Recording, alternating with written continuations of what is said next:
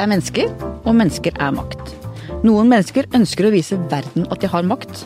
Andre sitter i mektige posisjoner på det mer stillferdige viset. I hvert fall sett utenfra.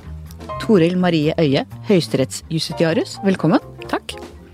Du leder Høyesterett, vår høyeste domstol, og mange mener at Høyesterett tiltar seg for mye makt og skaper rett heller enn å tolke lover. Det skal vi komme tilbake til. Aller først reklame. Jeg og kjæresten min vi hører på lydbok eh, når vi ligger i senga før vi skal sove. Og det som er en fordel på appen, er jo at man kan sette på sovemodus. Ja, for jeg pleier jo alltid å sovne før deg. Det er veldig koselig å dele en bok på den måten. Ok, skal vi høre på en ny Erlend Lo. Ja. i furua. God natt, da.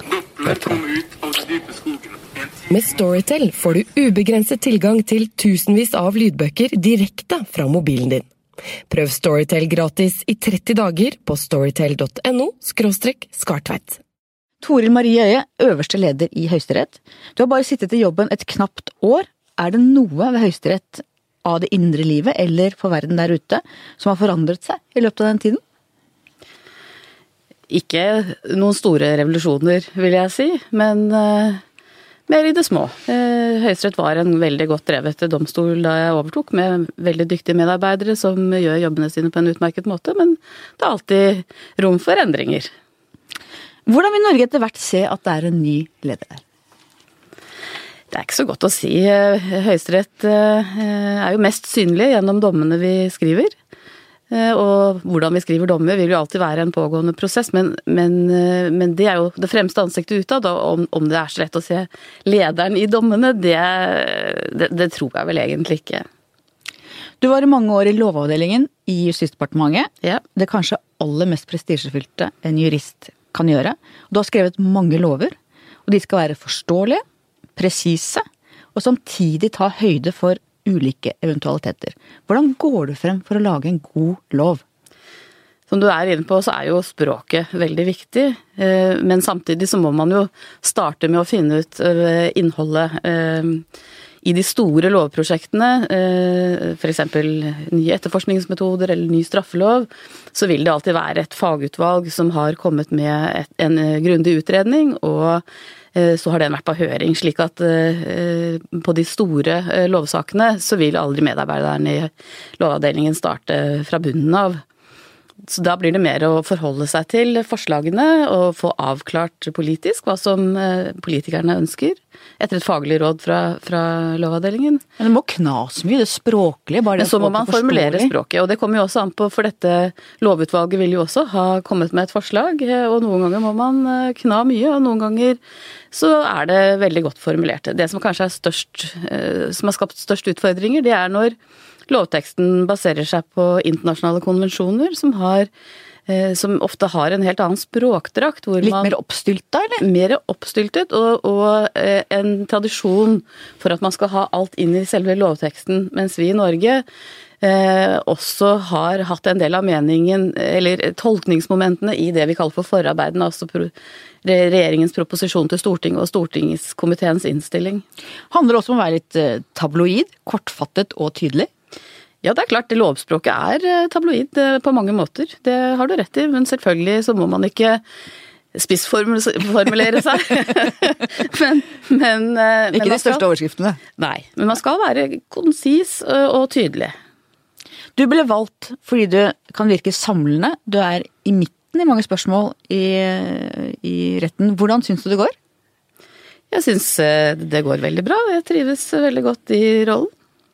Eh, din forgjenger Tore Skei var veldig tilbakeholden, veldig lite synlig. Mannen før han igjen, Karsten Smith, var veldig utadrettet og var opptatt av å gjøre Høyesterett synlig ute i samfunnet vårt. Hvor vil du definere deg i spennet mellom de to?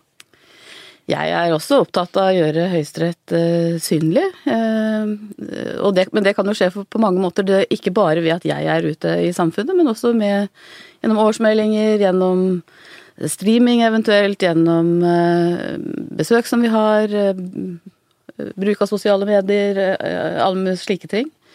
Så jeg er absolutt opptatt av å gjøre Høyesterett synlig, men, men det er ikke så viktig for meg at jeg som person er synlig. Men, men jeg eh, syns det er viktig for Høyesterett som institusjon og tilliten at folk vet hvem vi er og, og kjenner til oss. Høyesterett har i mange store prinsipielle saker vært delt omtrent på midten, som i saken om fiskekvoter og eiendomsrett, hvor spørsmålet var om noen skal eie fiskeressursene våre til evig tid, vår felles ressurs, og det sto på én stemme da dere avgjorde det plenum. Noen hadde permisjon, noen var sykemeldte, det var egentlig ganske tilfeldig. Det syns jeg er ganske skummelt. Det kan du si, men eh, det du må tenke på er for det første at en del av de spørsmålene som kommer til Høyesterett, er grensespørsmål. Det er naturlig at det er eh, uenighet i retten, eh, og det er nettopp derfor eh, saken kommer til oss ofte. Fordi at det er et, et grensespørsmål. Og når saken da behandles i plenum, så er det nettopp for å, at man ikke skal i disse viktige sakene være avhengig av akkurat hvilke fem dommere som eh, behandler saken. Og plenum er at alle dommerne er med, ikke sant? alle sammen. Så, så i denne saken her, så, så var det alle som kunne. Eh, som ikke var inhabile eller eh, eventuelt syke, men det var det tror jeg ikke i den eh, saken. Men, men alle som, som kunne, var med i saken. Høyesterett er den domstolen som er fjernest fra livet. Det er ikke forbrytere, ikke ofre der, ikke vitner, ikke partene som står i nabokrangelen eller ekteparet som slåss om barna sine. Det er advokater, det er jurister, det er fagfolk. Savner du av og til si, det levende livet på jobben?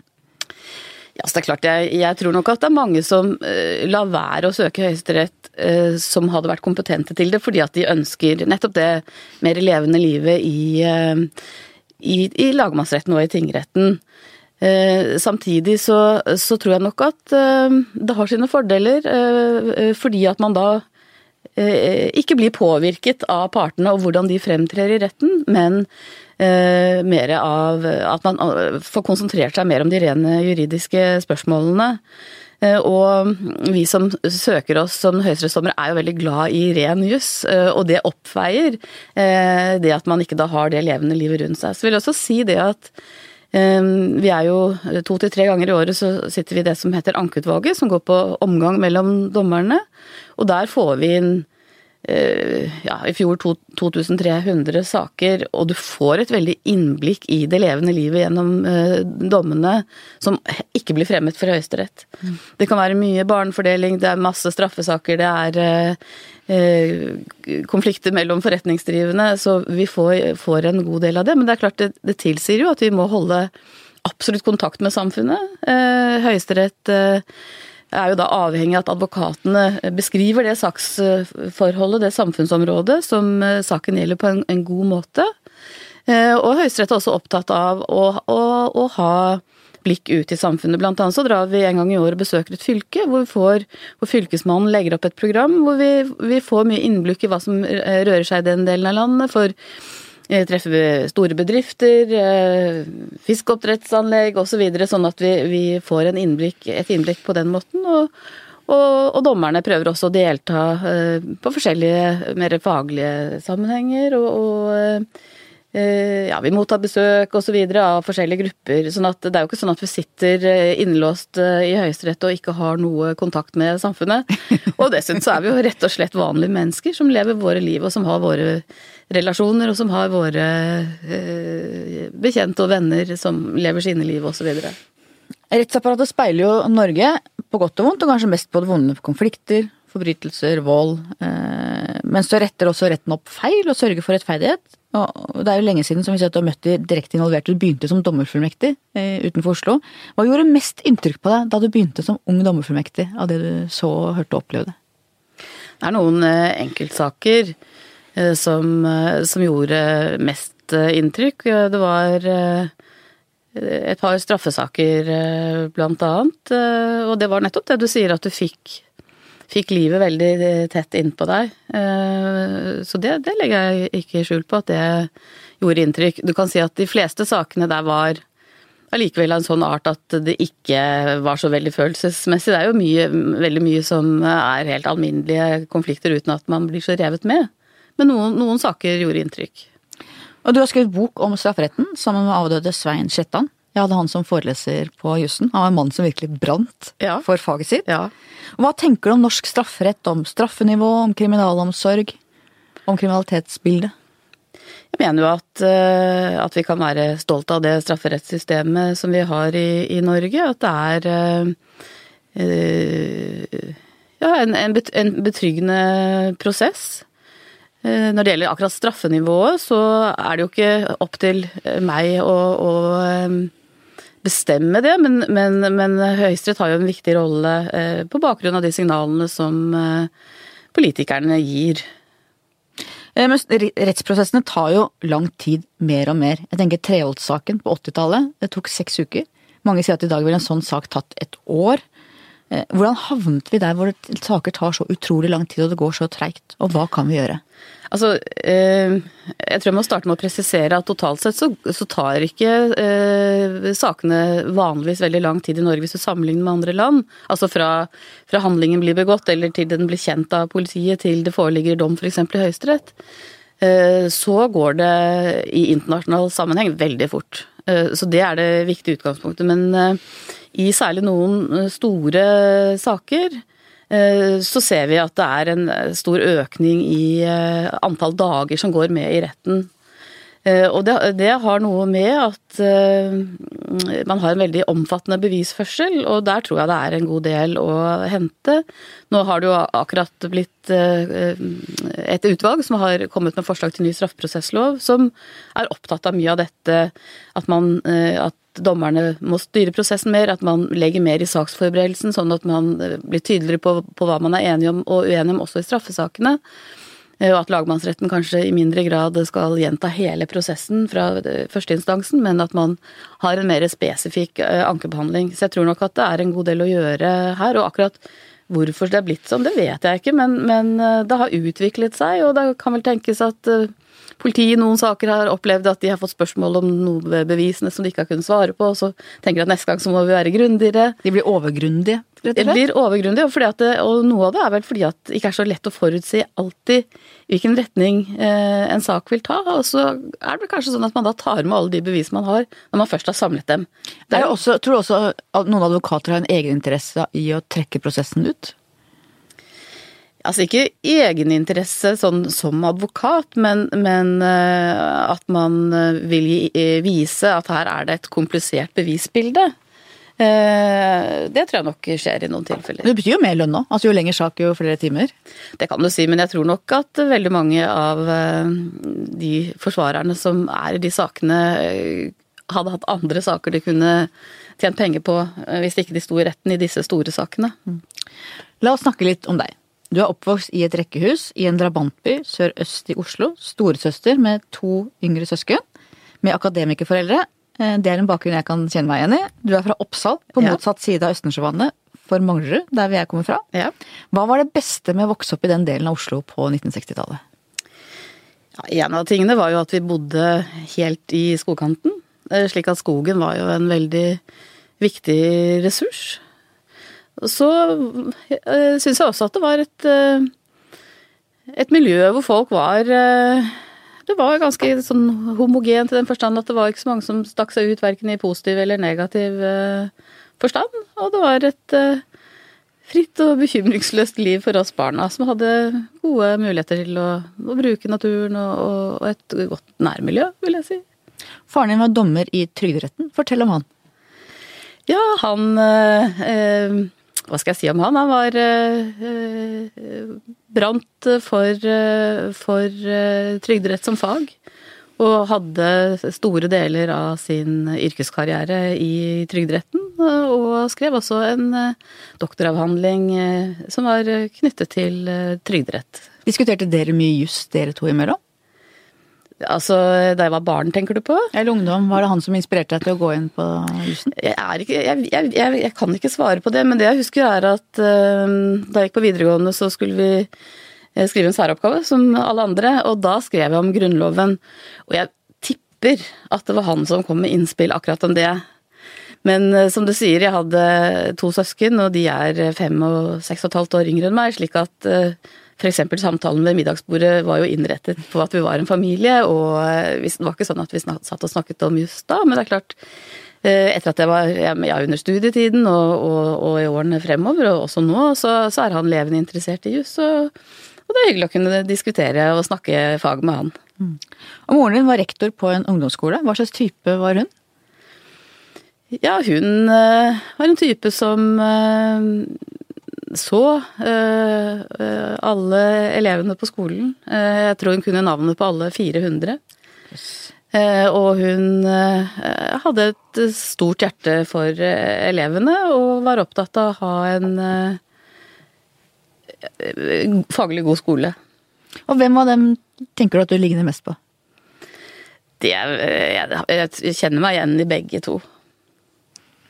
Så slapp du ikke inn i Oppsal skoles pikekor, har jeg lest. Var det bittert? Ja, jeg prøvde to ganger.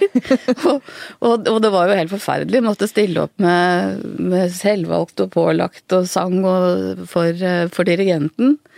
Eh, mens det var flere i klassen min som hadde kommet inn som aspiranter, og det tror jeg var litt lettere. Eh, Så jeg tror nok at jeg var litt motivert at, eh, for Oppsal skoles pikekor var jo en av tre eh, beste korene i Norge på den tiden, og de reiste jo mye ut i utlandet. Så jeg, jeg, jeg tror nok at jeg var litt motivert av de, alle de turene som jeg regnet med var veldig morsomme.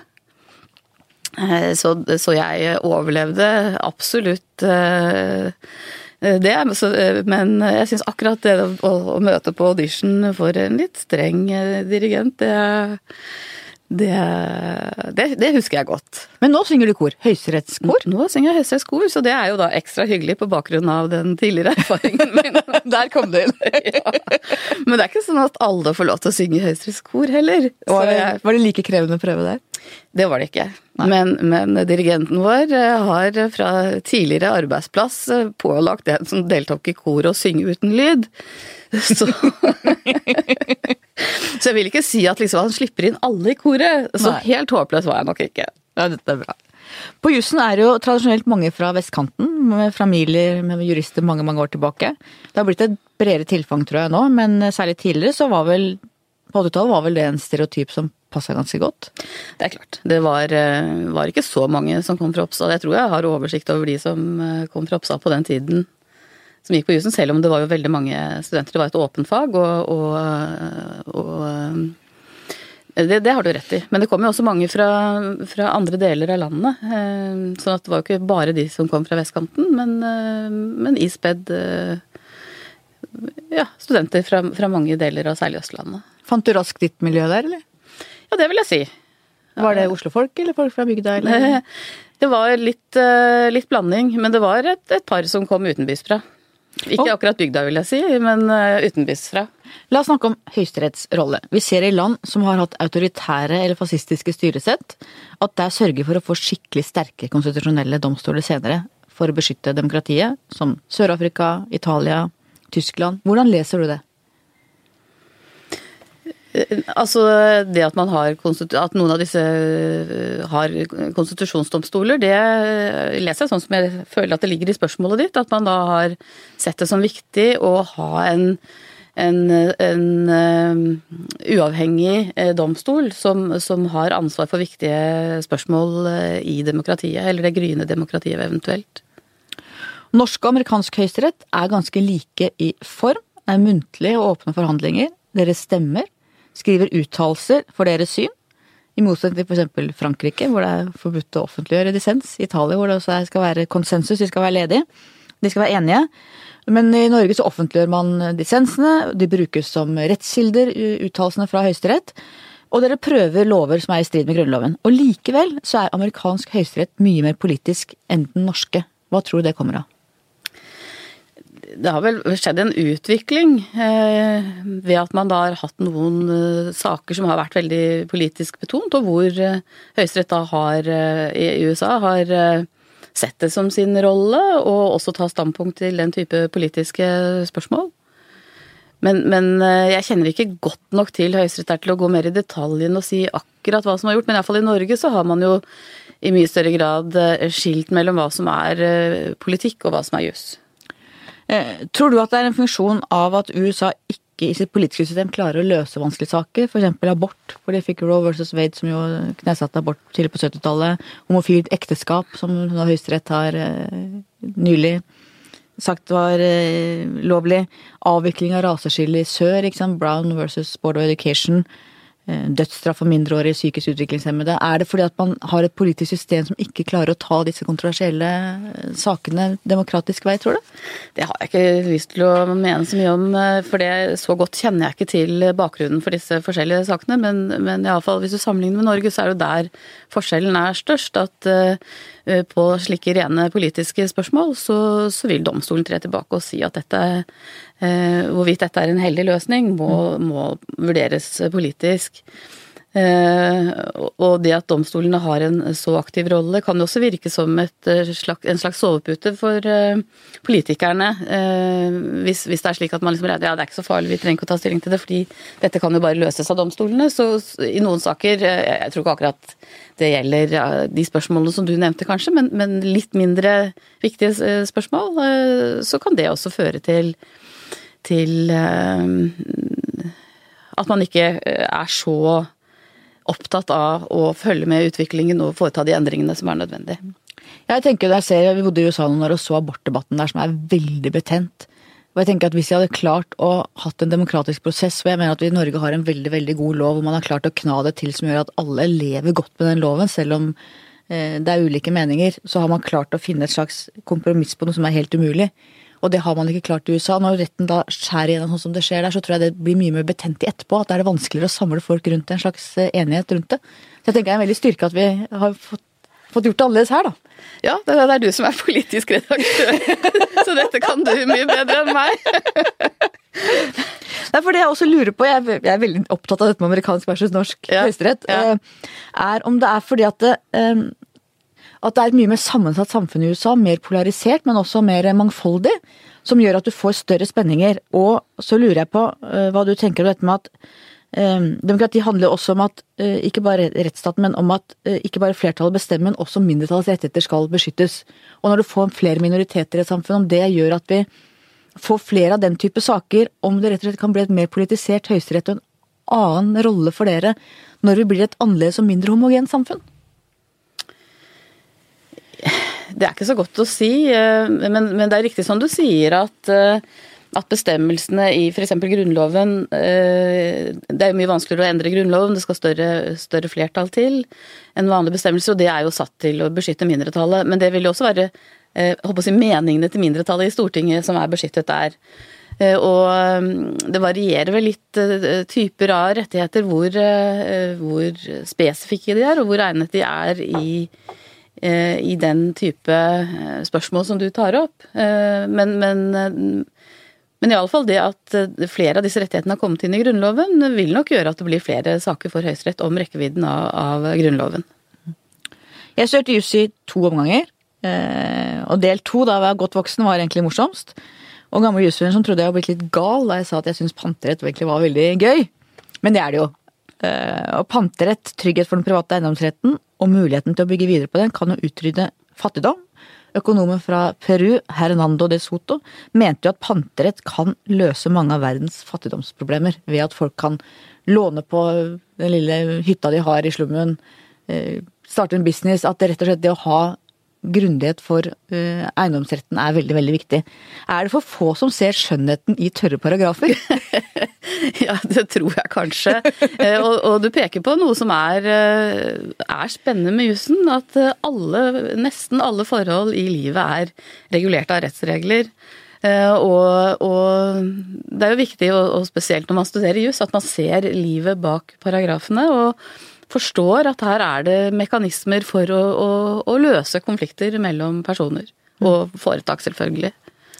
Men, og Norge er jo Det er nok sikkert en viktig del av grunnlaget for et godt næringsliv med, med, med eh, et godt innhold i panteretten, i konkursretten, tinglysningsreglene, grunnboken i Norge hvor man har, har full oversikt over rettigheter og, og begrensninger i, i uh, eierrettigheter. For det høres jo veldig tørt ut, men det handler rett og slett om at du ikke skal komme i en situasjon at to stykker plutselig eier det samme huset. Ja. Eller har det samme lånet, eller hvem skal ha sikkerhet hvis et lån eh, plutselig ikke kan innfris, hvem skal ja. betales først. Altså, ja. Det er veldig sinnrikt. Det er det. Og faktisk litt gøy! ja. Men, da, men man må ha da forståelsen for systemet, og det kan være vanskelig når man sitter som jusstudent og, og egentlig ikke har den erfaringen som du kanskje hadde, eller eh, innsikten, da, når du kom og var litt mer moden. Ja, for da hadde jeg jo fått barn, jeg hadde søkt om barnetrygd, jeg hadde hatt mammapermisjon, jeg hadde kjøpt hus, skrevet under på pantebrev i banken. Ja. Jeg hadde Ja. gjort en hel rekke sånne ting Ja. som jeg var helt grønn på første gang jeg kom inn som 19-åring. Ja.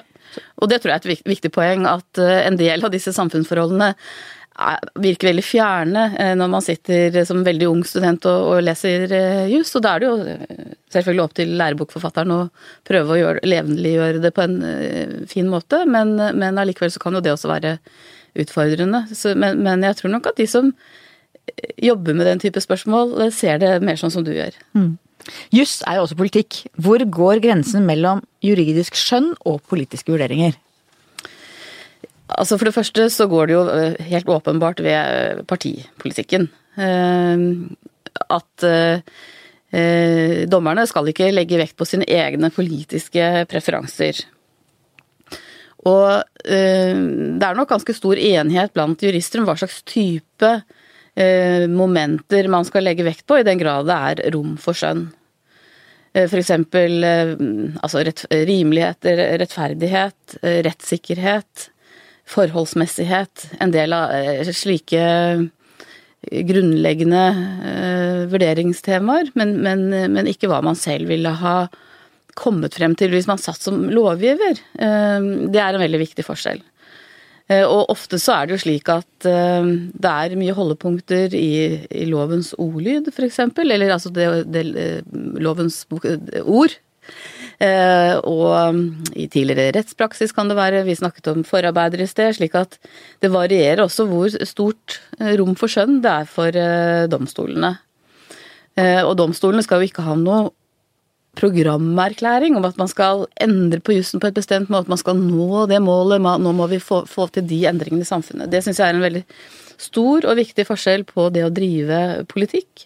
At da har man jo et ansvar for å finne ut eh, når er det behov for endringer, og hva skal de endringene gå ut på. Ofte så er jo konflikten mellom eh, individet og staten. Hvis du kan fortelle litt kort om Kløfta-dommen. På en måte som alle kan forstå. Den, den gikk på, på prinsipper for eh, å få erstatning ved ekspropriasjon, rett og slett.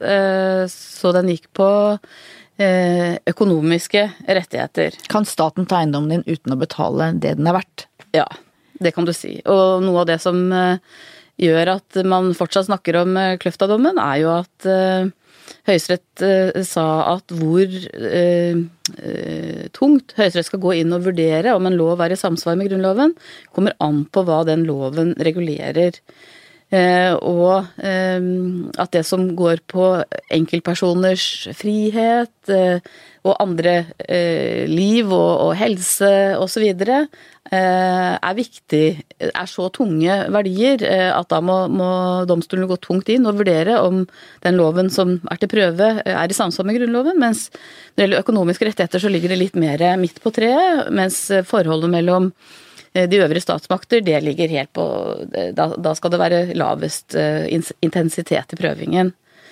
Det var nok en av grunnene til at, den, at jurister fortsatt snakker om eh, Kløfta-dommen, og ikke bare pga. det ekspropriasjonsrettslige spørsmålet. Men man tok jo da side for individet mot staten. en Det kan, man, det, det, det, det kan man si. Og det var litt uvant den gangen, kanskje? Ja, altså det med å prøve, prøve grunnlovsrettigheter har jo gått litt i, i, i bølger. Eh, Det har det. Så, så, så det var jo en, en sak som mange la merke til. Rettsliggjøring av politikken. Spørsmålet om hvilke lovfestede rettigheter eh, mennesker skal ha. eh, Hvor politiske diskusjoner om rett til sykehjemsplass, helsehjelp osv. Tror du at politikerne forstår at det å gi flere juridisk bindende rettigheter snevrer inn deres eget handlingsrom? Generelt så tror jeg de forstår det, altså sånn på et uh, generelt nivå. har Vi har jo hatt maktutredninger i Norge som har pekt på nettopp disse sammenhengene. Eh, Men det kan nok tenkes at man noen ganger i den enkelte lovsaken eh, glemmer å ta det inn over seg. Men de gjør det jo på grunnlag av en generell kunnskap. Men de, at noen ganger kan det virke som det kommer som en overraskelse senere. At her har man faktisk gitt juridiske rettigheter som kan prøves i en rettssak. Og det betyr at da har du kanskje bundet opp fremtidige storting gjelder bevilgninger, eller kamp om ressurser med andre grupper, at det er ikke sikkert det er den beste måten å styre et land på, alltid. Nei, det er klart man, man eh, legger bindinger eh, for senere storting. Så er det et juridisk spørsmål på hvilken måte man eh, Når legger man bindinger, og når gjør man det ikke? og er dette en bestemmelse som virkelig gir konkrete rettigheter til enkeltpersoner, eller er det mer uttrykk for verdier som skal tas i betraktning ved tolkning av andre regler, men, som man ikke kan basere kravene sine direkte på? Men, men, i prinsippet så, så, er det da en, en, del bestemmelser som, legger, eh, som gir helt konkrete rettigheter eh, som kan håndheves ved domstolene. Og dette var den store debatten da man eh, endret Grunnloven i forbindelse med grunnlovsjubileet i 2014. Og hvor man sa at det som ble tatt inn skulle ikke endre eh, virkeligheten. Ja. Men blant annet miljøvern, eh, hvor vi nå ser at nå har noen gått til sak eh, rundt miljøvern for å stanse oljeboring på, på sokkelen vår. Ble vi lurt av de folka? Det akkurat Når du knytter det til den saken, så må jeg bare si at det kan ikke jeg si noe om. Dette er en sak som verserer i domstolene, og eh, den prosessen må gå sin gang. Ja, jeg ante meg, jeg bare hadde lyst til å prøve. men, men, generelt så er det et spørsmål, eh, disse rettighetene, som sagt, i hvilken grad gir de konkrete rettigheter? I hvilke grader er det mer uttrykk for for eh, en sånn slags symbol eh, at dette er viktige verdier i samfunnet vårt, så det må man ta i betraktning når man løser juridiske spørsmål. Og så, så er det naturlig å se det sånn at det er noen bestemmelser som er litt av begge deler. At man har en kjerne eh, som man kan påberope seg eh, mer konkret, og så er det litt hensyn rundt det. Og da kommer skjønn inn? Og da kommer jo skjønn inn. Og det vil jo bli en, da, en oppgave for domstolen å finne ut når har Stortinget ment å binde seg og gi konkrete rettigheter, og når har de ikke ment det. Forholdet mellom norsk rett og internasjonale konvensjoner. Europeiske menneskerettskonvensjonen, FNs ulike konvensjoner. Eh, hvordan ser du på det? Det har skjedd en veldig utvikling. Det, det har det gjort, eh, og det gjør jo at eh, saken ofte blir mer komplisert. For vi skal ikke da lenger bare se på hva som er eh, ordlyden i en bestemmelse som er gitt av det norske Stortinget, og, og forarbeidene der, og norsk rettspraksis, men man må også se hen til hva internasjonale domstoler eh, Hvordan de har tolket disse konvensjonene. Eh, og det eh, Det gjør jo at bildet blir mer komplisert. Og også det at mange av disse konvensjonene bruker ganske skjønnsmessige ord og uttrykk. Og så blir det spørsmål om hva som ligger i det. Så det, det kan være et, en, det, det, det, er så, det, er ikke så, rart at det har blitt saker av det. F.eks. hva er en rettferdig rettergang? Fair trial, det, det, eh, det kan man jo skrive veldig mye om. Og det har mange gjort? Og det har mange gjort. Eh, og det har vært mange saker etter hvert. Men det er en utvikling hvor man da får saker, eh, så kan man bruke det som holdepunkter for å prøve å, å ta standpunkt til neste sak. Og der er det jo to veldig ulike retninger innenfor juristmiljøet, også innad i Høyesterett, hvor noen vil legge seg veldig veldig tett opp mot de internasjonale domstolene Eh, mens andre mener at man skal, skal beholde en slags selvråderett eller ligge mer på de norske tolkningene. Du er et sted i midten der. Altså, jeg har sett det eh, uttalt Eh, jeg, det er ikke så lett å sette oss i bås eh, som eh, Noen av dere sa. Noen, noen, mener. Det som er situasjonen, er at vi, Og det mener jo alle i Høyesterett, at vi skal følge det som Norge er forpliktet til etter de internasjonale konvensjonene. Men det er ikke opp til, til domstolen i Norge å utvikle de konvensjonene videre. Det er eventuelt av Menneskerettsdomstolen f.eks. som har som ansvar. Men nettopp det at det er, du sier det er rom for tolkning, og man må tolke det det at det er ulike tolkninger av det blant også dommere, forteller jo noe om at det også er ideologisk ståsted og vurderinger som egentlig handler om politikk.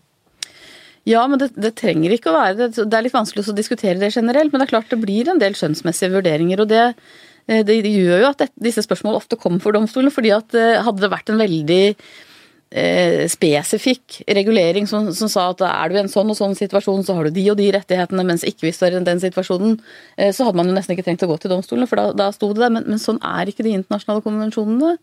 Og, det, og, og, når de da baserer seg på veldig skjønnsmessige vurderinger, så er det jo ikke så rart at det blir eh, forskjeller. Og Noen ganger så kan man kanskje se noen systematiske forskjeller, men det er ikke sånn at det bestandig er det. Og ofte så er vi også enig i de sakene. Jeg, For eksempel, jeg dekket jo asylsøkerbarnsaken som var for Høyesterett nå i fjor. Ja. Um, hvor det handlet om akkurat det. Og, hvor, og det var en sak som gikk rett inn i en ganske heftig eh, flyktningpolitisk debatt i Norge blant politikerne. Det handla jo veldig, veldig om politikk. Og der var det et mindretall på seks, tror jeg, som eh, Ja, det var litt varierende mindretall, men, men det som er viktig med den saken, er at i, i mange av hovedspørsmålene så var Høyesterett enstemmig. Og dere gjorde nettopp det jeg håpet at dere skulle gjøre, nemlig å ikke gå inn i politikken og ikke endre det som åpenbart var politikernes vilje i den eh, politikken. Ja. Hvis de hadde konkludert annerledes, så hadde dere snevret veldig inn handlingsrommet på et av de eh, viktigste og mest betente politiske områdene i Norge. Ja, så, så, så vi er jo i utgangspunktet bundet av det som er, eh, er avgjort eh, og bestemt i lovene, men spørsmålet er det som er, gjør det vanskelig, er at ofte er, er det ikke så godt å vite hva politikerne eh, har ment. Men et av temaene var jo om man skulle sammenligne med situasjonen i Norge Ja. eller med situasjonen i Afghanistan. Ja. Eh, Og der kom jo Høyesterett enstemmig til at det var situasjonen i Om det var tilstrekkelig eh, trygt for dem i Ja. Afghanistan, eh, som var det sentrale. Fordi hvis man skulle legge vekt på at, at altså, veld, veldig mange barn har det jo godt i Norge. Mm. Eh, eh, så hvis det skulle være kriteriet, hvor har de det best? eh, Da ville jo alle barn måtte bo i Norge. ville veldig mange barn ha bodd i Norge. Så, og på de, det viktige spørsmålet så var jo Høyesterett helt enig. Eh, um, så, så uenigheten besto litt i hvor langt domstolene kunne gå i å prøve eh, sider av disse spørsmålene. Eh, men men det, også der var det enighet om at, en god del av det som var i den saken, altså hvor trygt var det i Afghanistan, det visste forvaltningen bedre enn Høyesterett. Så det går på arbeidsdeling, rett og slett. Ja, altså der hvor man har fagekspertise. Eh, Så det var eh, Uenigheten gikk litt på, på prøvingskompetansen, men, men eh, rent faktisk så tror jeg ikke forskjellen der var stor. Og så gikk det litt på rettighetene om, om denne ene jenta som var rundt seks eller syv år, om, hun, om det var en saksbehandlingsfeil, at hun ikke selv hadde møtt opp i Utlendingsnemnda og håper å si, prosedert sin sak. Og da mente jo flertallet at slik reglene var på den tiden, så var ikke det en eh, feil. Hun var representert både ved en advokat og med foreldrene sine. I etterkant av disse sakene så er det flere politikere som har ønsket at FNs barnekomité skal ha en slags rettslig status i det norske rettssystemet, eller skal ha en større tyngde enn de har i dag. Eh, og, og da tenker jeg også om det betyr at myndighetene egentlig gir fra seg enda mer makt til internasjonale organer, type fagkomiteer som ikke skal se helheten, men som skal se ett enkelt felt. Det tror jeg du har rett i, eh, og det er jo en av grunnene til at eh, at Høyesterett eh, i flere saker som har f.eks. gjeldt barnets beste, har sagt at man legger vekt på uttalelsene fra barne, FNs barnekomité, men, men, det kan ikke være eh, avgjørende for saken. Man må veie eh, hensynene. Det er ett av mange momenter. Ja, men det er, et, det er et viktig moment, men ikke det eneste momentet. Er du ofte i tvil? Altså, som jeg sa i sted, vi får jo ofte grensespørsmål. Og vi får også kompliserte Jussen har blitt mer komplisert. Så særlig under marsjen så kan man være i tvil, eh, og, og så arbeider man seg mer inn i spørsmålene, og så ofte så forsvinner en god del av tvilen. Men, men uh, i prosessen så, så er jeg ofte i, i tvil. og og, og dommerne i Høyesterett går jo til uh, Altså det med muntlige forhandlinger har jo stor betydning i Norge. I motsetning til veldig mange andre land. Eh, og, og vi kommer og, og går til sakene med åpen sinn for virkelig å høre på hva advokaten har å si. Eh, og, og, er det gode advokater, så, så ser du jo at saken har flere sider. Og, eh, da er det jo en prosess man må gjennom for å trekke, ta standpunkt. Er det noen saker som plager deg, der du fortsatt lurer på om du landa riktig? Det vil jeg vel ikke si. At det er noen saker som plager meg. Du våkner ikke om natta og grubler? Vargtimen? Nei, ikke av saker som har vært, men det er klart når jeg jobber med sakene, så kan det kverne rundt i hodet, og særlig hvis jeg jobber sent om kvelden. Så, så merker jeg at jeg kan drømme juss. Du kan drømme juss. Ja. og det er egentlig ganske slitsomt. ja, det tror jeg på. Hva er det beste ved Norge? Det var jo et veldig, veldig generelt spørsmål. Eh, hvis vi knytter det til domstolssystemet, så vil jeg jo si at eh, vi har domstoler som scorer helt på toppen i verdensbasis eh, når det gjelder tillit i samfunnet. Som også er raske. Man får avgjørelsene innen i, i veldig mange saker. Det kan selvfølgelig være noen saker hvor det skjer, skjer ting som gjør at det tar lengre tid, men sammenligner du med veldig mange andre land, så er det raske avgjørelser. Eh, Og jeg mener også at domstolene i Norge er ganske gode til å skrive dommene på en sånn måte at man eh, kan forstå hva som er grunnlaget for avgjørelsen. Og hva tenker du er viktige verdier i det norske samfunnet? Ja, altså dette som jeg har vært inne på med, med rettssikkerhet og likhet og, og forutberegnelighet, f.eks. for eksempel. Eh, eh, å ha et velfungerende eh, demokrati og, og, og et, en rettferdig behandling av mennesker. Og at de som eh, mener å ha lidd urett, skal kunne få en betryggende prosess for domstolene. Hvordan ser du religionens plass i det norske samfunnet?